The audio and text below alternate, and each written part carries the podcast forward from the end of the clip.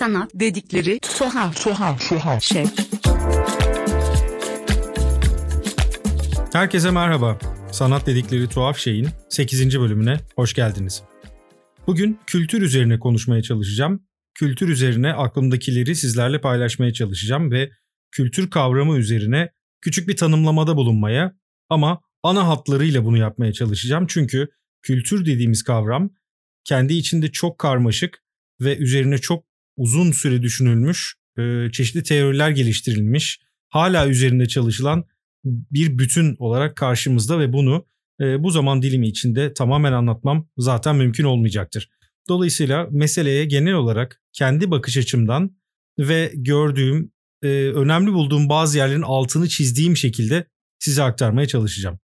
Öncelikle kültür kavramının etimolojisine bakmak gerekiyor.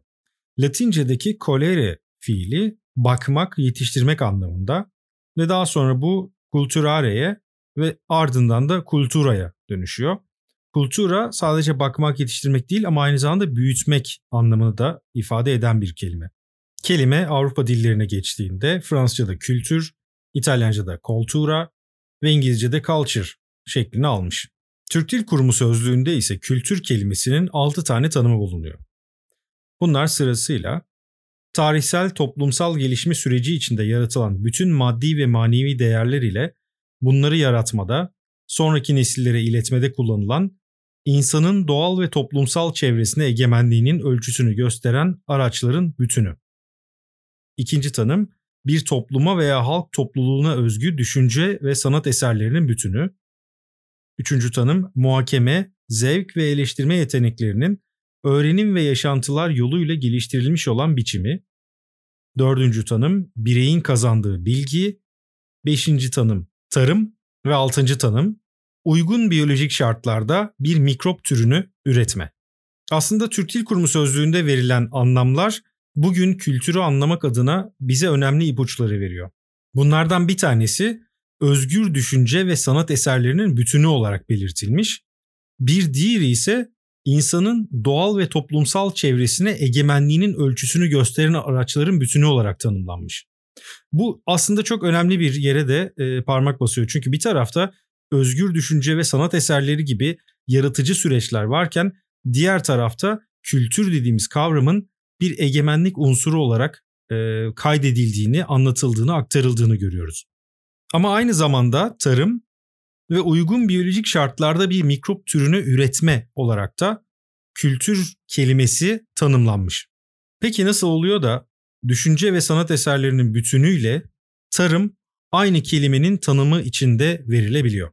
Bunu anlamak için yeniden kelimenin Latince kökenine bakmakta yarar var. Çünkü orada bakmak, yetiştirmek olarak verilen kelime aslında çoğunlukla toprakla ilgili, tarımla ilgili bir tanım. Dolayısıyla bunun daha sonrasında bizim anladığımız kültür fikrine evrilmesinin temelinde yine tarım ve toprak işçiliği var. Bu durumun bir örneğini de farklı toplumların mitolojilerinde görmek mümkün. Örneğin Mezopotamya, Mısır, Hint, Fin, Japon kültürlerinde ya da Yunan kültüründe, Maya, Aztek, Kızılderili kültürlerinde hep bir tarım tanrısı tanımlanmış durumda. Yani tarım bütün bu kültürlerin temelindeki önemli noktalardan bir tanesini de oluşturuyor. Peki öyleyse tarımdan bugün anladığımız anlamdaki kültüre nasıl geldik? Aslında bu bir yöntem meselesi. Çünkü toprağı işlerken ortaya çıkan teknik ve toprağın size çabalarınızı geri verme şekli kültürün oluşumuyla büyük benzerlik gösteriyor. Hollandalı tarihçi Johan Huizinga'nın söyledikleri de bunu destekler nitelikte. Kültürü korumak istiyorsak onu yaratmaya devam etmemiz gerekir diyor Huizinga. Yani böyle bakıldığında yaratım süreci çift taraflı çalışıyor. Siz bir şeyleri yaratmaya devam ettiğiniz sürece kültür aslında korunuyor. Kültür korundukça yaratım süreci de korunuyor ve yaratım süreci de devam edebilir hale geliyor. Huizinga'yı biz aslında homo faber yani yapıcı insan ve homo sapiens yani düşünen insan kavramlarının üzerine oturttuğu homo ludens yani oyuncu, politik insan kavramıyla biliyoruz. Bu da içinde olduğu sistemin farkında olan, ona adapte olabilen ve onunla gelişen bir insan modelini aslında bize anlatıyor. Dolayısıyla toplumlar kendi kültürlerini yarattıkları süreç içinde aslında büyük anlamdaki bir e, kültür kavramını da beslemiş oluyorlar ve dolayısıyla kültür dediğimiz şey o yaratıcılıkla beraber, çeşitlilikle beraber ilerlemeye devam eder bir hale geliyor. Dolayısıyla temelde bir kültür kavramından bahsetmek mümkün olsa da tek ve eksiksiz bir kültürden bahsetmek mümkün değildir. Dolayısıyla bugün kültür kavramı üzerine çalışan kuramcıların ve düşünürlerin ortaya attığı önemli şeylerden bir tanesi de Batı temelli kültür bakışının aslında sömürgeci mantığa uygun olduğu ve kültürü tek tipleştirdiği söylemidir. Kültürün bu şekildeki tek tipleşmesinin aslında kültürün kendisine zarar vereceğini hatırlatırcasına Paulo Coelho da şöyle söylüyor.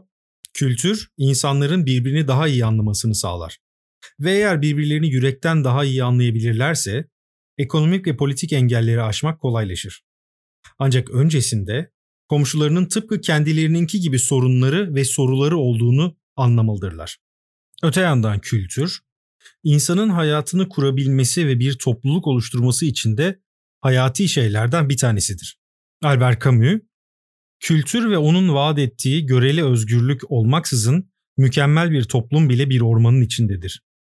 Tüm özgün yaratıların geleceğe bir armağan olmasının nedeni budur diyerek aslında kültürün vazgeçilmez bir şey olduğunu da ifade ediyor. Dolayısıyla buradan baktığımızda sömürüldüğünde bütün anlamını yitirebilecek ama doğru şekilde büyütüldüğünde hayatımızı anlamlı ve mantıklı kılabilecek önemli bir kavramdan bahsediyoruz. Kültür bu haliyle yaşadığımız hayatın her yönünde aslında kendini gösteriyor. Bugün yediğimiz yemeklerden okuduğumuz kitaplara, dinlediğimiz müziklerden gittiğimiz filmlere kadar her şey kültür içinde kendine bir yer ediniyor. Ama sadece kültür bunlarla da sınırlı değil. Geleneklerimiz ya da alışkanlıklarımız ya da bize aktarılan her şey aslında kültürün yine bir parçası. O halde kültür sanat sektörü dediğimiz ya da kültür sanat alanı dediğimiz şey ne olabilir? Bugün özellikle neoliberal toplumlarla beraber her şeyin bir standardının, kategorisinin olduğu zamanlarda yaşamaya başladık. Dolayısıyla kültür dediğimiz kavramın da kültür sanat sektörüne hapsedilmesi gibi bir yanılgıyla karşı karşıyayız. Hatta toplumun bir bölümü bugün hala kültür sanat alanına sadece belki de bu yüzden daha mesafeli davranıyor ve sanatsal etkinliklerden kendilerini geri çekiyor. Peki öyleyse kültürün sadece kültür sanat alanına sıkıştırılmaya çalışılmasının arkasında ne gibi bir neden olabilir?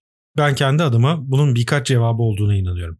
Bunlardan birincisi bilgiye ulaşma isteğiyle ilgili. Yani bugün bilgiye ne kadar ulaşmak istiyoruz? O bilgiye ne kadar erişmeyi gerçekten değerli buluyoruz ya da vaktimizin ne kadarını o bilgiye ulaşmak için harcıyoruz sorusu önemli bir soru.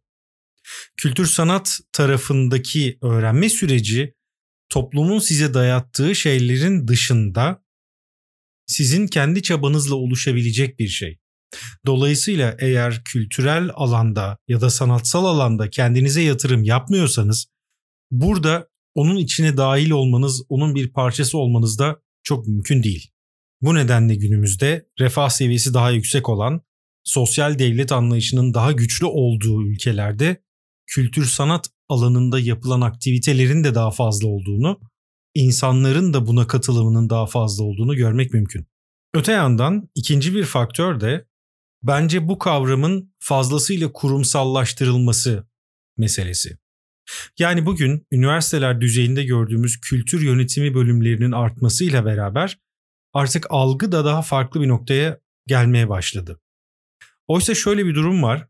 Yani eğer biz kültürün tek bir tanımının olamayacağını, dolayısıyla farklı bakış açılarıyla ortaya çıkan bir yaratım süreci, birikimli bir yaratım süreci olduğunu düşünüyorsak, kültürün yönetilmesi fikrine de hassas bir şekilde yaklaşmamız gerekiyor.